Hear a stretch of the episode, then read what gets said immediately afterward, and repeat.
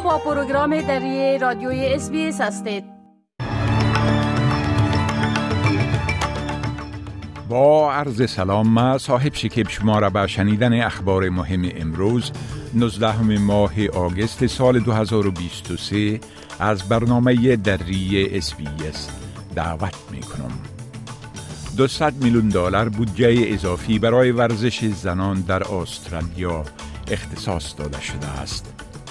در پاکستان دو برادر مسیحی به اتهام توهین به مقدسات دستگیر شدند. رئیس هیومن رایتس واچ در استرالیا از حکومت این کشور افزایش در اعطای ویزای بشردوستانه به افغانها را تقاضا کرده است.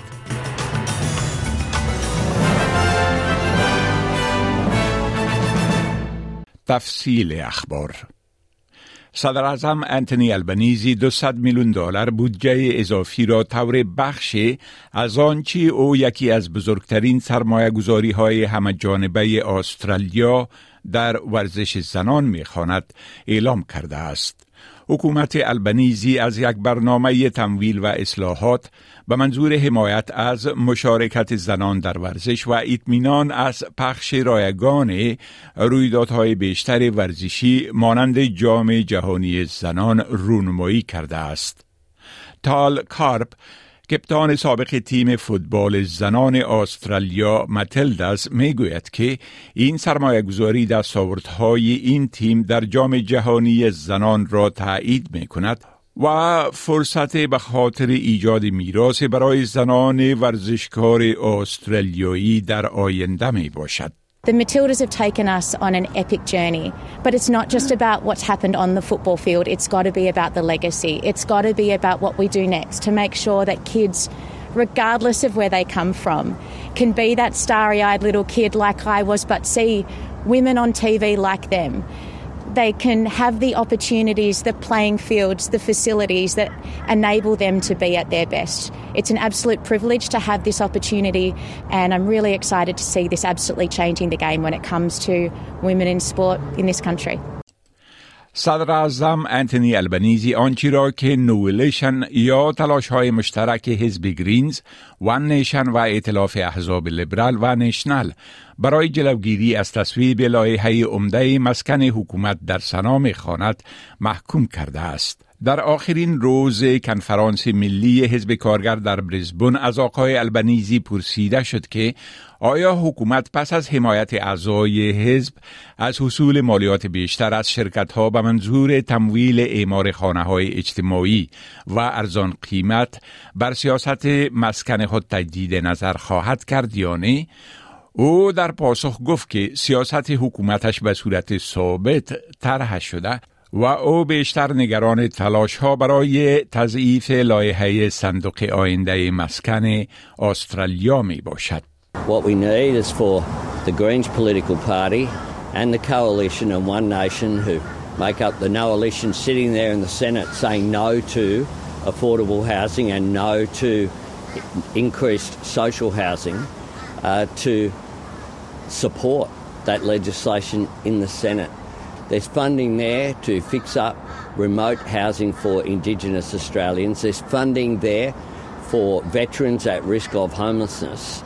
And for the minor parties to be saying no to that, I just find extraordinary. حکومت ویکتوریا با پرداخت 380 میلیون دلار غرامت به سازمان های مسئول راه اندازی بازی های کشورهای کامنولت پس از لغو تعهدش برای برگزاری این بازی ها در سال 2026 موافقت کرده است. صدر ایالتی دن اندروز ماه گذشته اعلام کرد که ویکتوریا میزبانی این بازی ها را طوری که برنامه ریزی شده بود میزبانی نخواهد کرد چون ابراز نگرانی می شود که این بازی ها بسیار بیشتر از انتظارات اولی مصرف خواهد داشت. ویکتوریا پس از گفتگوهای محرمانه موافقت کرد که مبلغ بالغ بر 380 میلیون دلار به سازمان های دخیل در راه اندازی این بازی ها به شمول فدراسیون بازی های کامنولت، حامیان مالی این فدراسیون و انجمن بازی های کامنولت استرالیا بپردازد.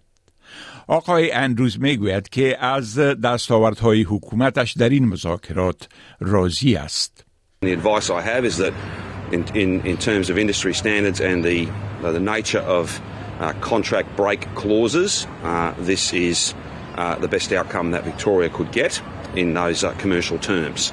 Uh, so uh, this brings to an end this matter. There can be no further appeals, there can be no further action, and that is a good thing. As I said, that means the Commonwealth Games authorities can focus on finding a host venue for 26 and beyond, and we can focus on getting thousands of houses built for regional Victorians, together with sporting infrastructure, tourism, major events infrastructure, all of that work that we've already announced.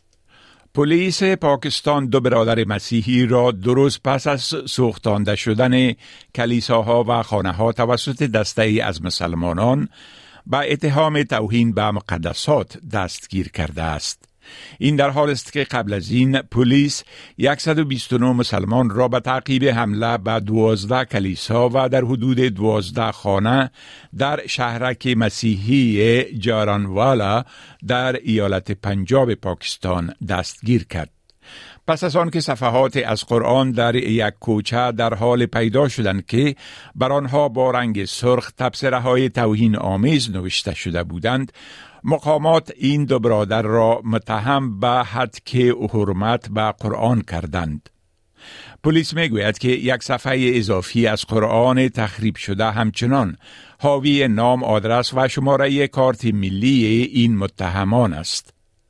مقامات محلی می‌گویند که در مورد همه زوایای این موضوع تحقیقات می‌کنند که چرا نامها و آدرس این دو تن بر مدارک اساسی این قضیه نوشته شدند.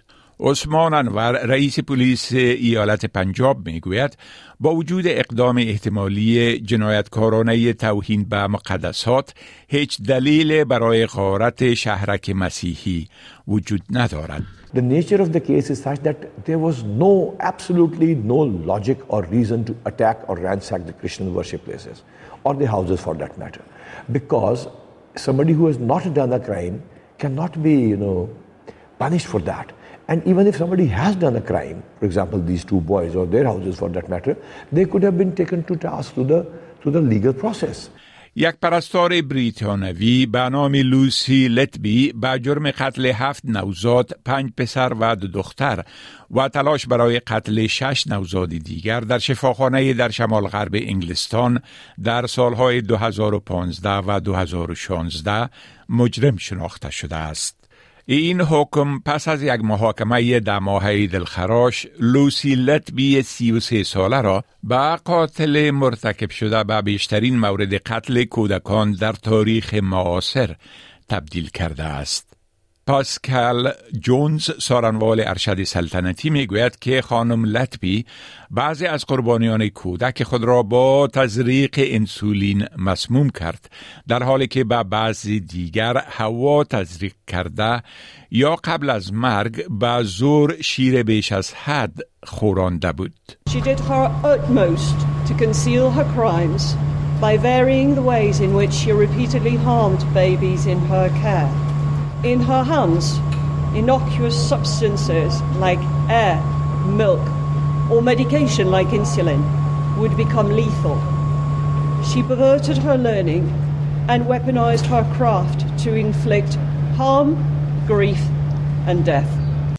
Human Rights Watch از استرالیا خواسته است که با اعطای ویزای بشردوستانه به افغانها اولویت بدهد و در این مورد از انعطاف بیشتر کار بگیرد.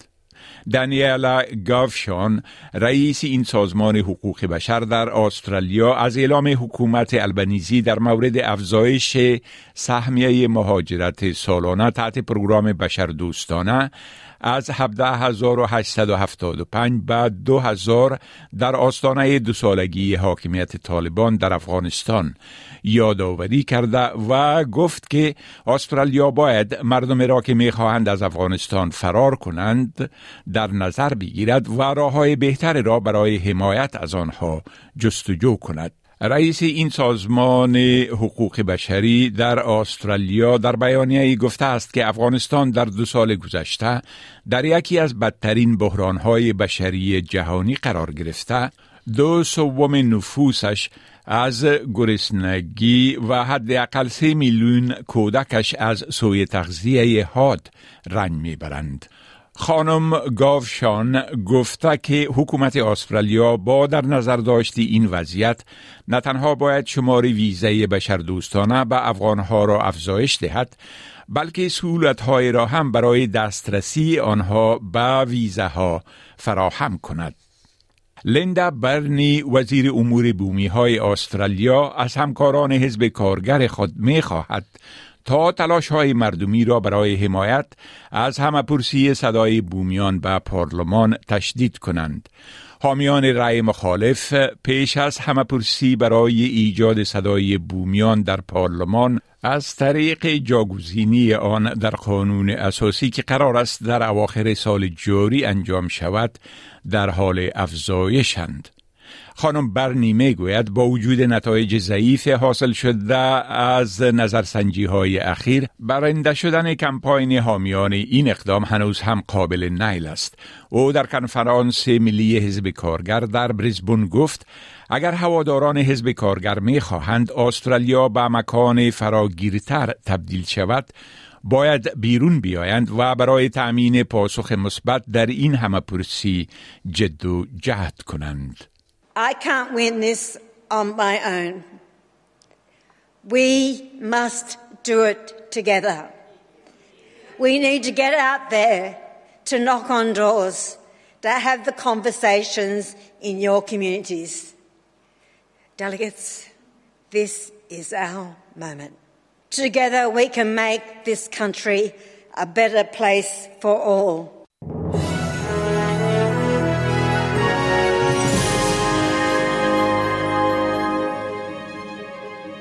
حال اخبار ورزش ارزش دلار استرالیایی در برابر اسعار جهان و وضع هوا برای فردا. در حالی که قرار است تیم های فوتبال زنان استرالیا و سویدن امشب برای به دست آوردن مقام سوم جام جهانی فوتبال زنان مقابله کنند تانی گستافسن سرمربی متلدس می‌گوید که تیم استرالیا در این مسابقه شامل بهترین و سالمترین بازیکنان خواهد بود و در انتخاب آنها از جنبه های احساساتی کار نخواهد گرفت. آقای گوستافسن می‌گوید که این تیم می‌خواهد مدال برونز را کمایی کند و به همین دلیل است که او نمی‌تواند به بعضی از بازیکنان دیگر تیم فرصت بازی در این مسابقه بدهد. If it was emotionally, those players would play because they deserve to play. Uh, but I can't pick based on emotions. Uh, this is a, a, third place game. We're playing for a medal. Um, I'm going to make sure we have a lineup there that is the strongest starting lineup we can have, but also the strongest finishing lineup. این مسابقه برای کسب مقام سوم ساعت شش شام امروز با وقت بخش شرقی استرالیا در بریزبون برگزار می شود.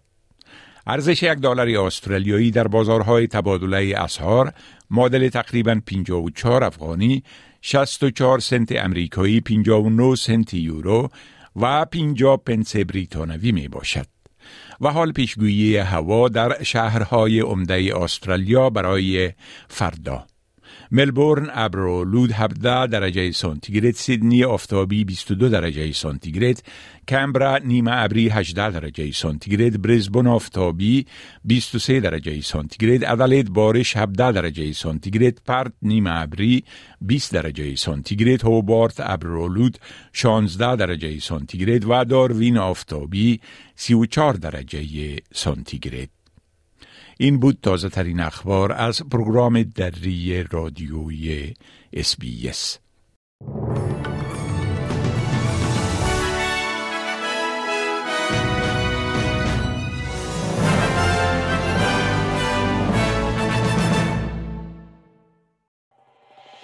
می خواهید این گناه گزارش ها را بیشتر بشنوید؟ با این گزارشات از طریق اپل پادکاست، Google Podcast، Spotify و یا هر جایی که پادکاستتان را می گیرید گوش دهید.